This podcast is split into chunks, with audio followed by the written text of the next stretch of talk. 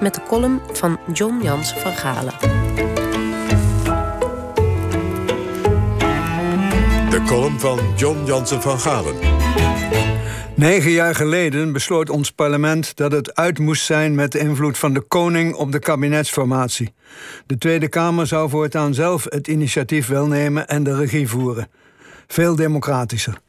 Nou, dat hebben we geweten. Deze week was ik even in het nieuwe Kamergebouw en wat me meteen trof was de holheid ervan. Mijn voetstappen weer klonken in de lege hal. Nou ja, nieuw is het gebouw niet. Het huisvestte tot voor kort het ministerie van Buitenlandse Zaken.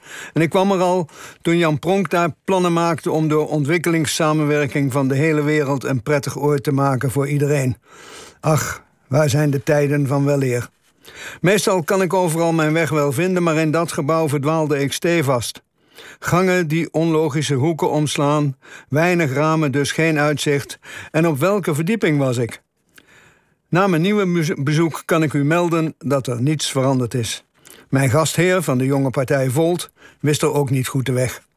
Ze zeggen wel dat de Hagenaars het gebouw naar de architect ervan, Dick Apon, de Apenrots noemden. Maar ik houd het erop dat die naam een puikenmetafoor is voor wat zich daar binnen nu afspeelt.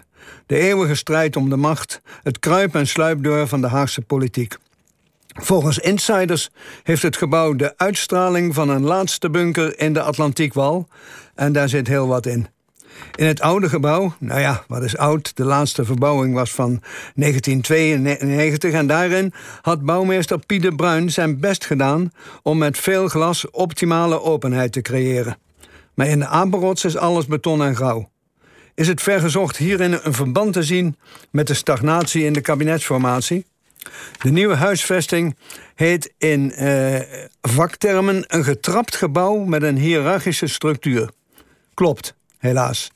Waar bleven de wandelgangen waarin toevallige ontmoetingen, bondjes gesloten en compromissen bekokstoofd werden?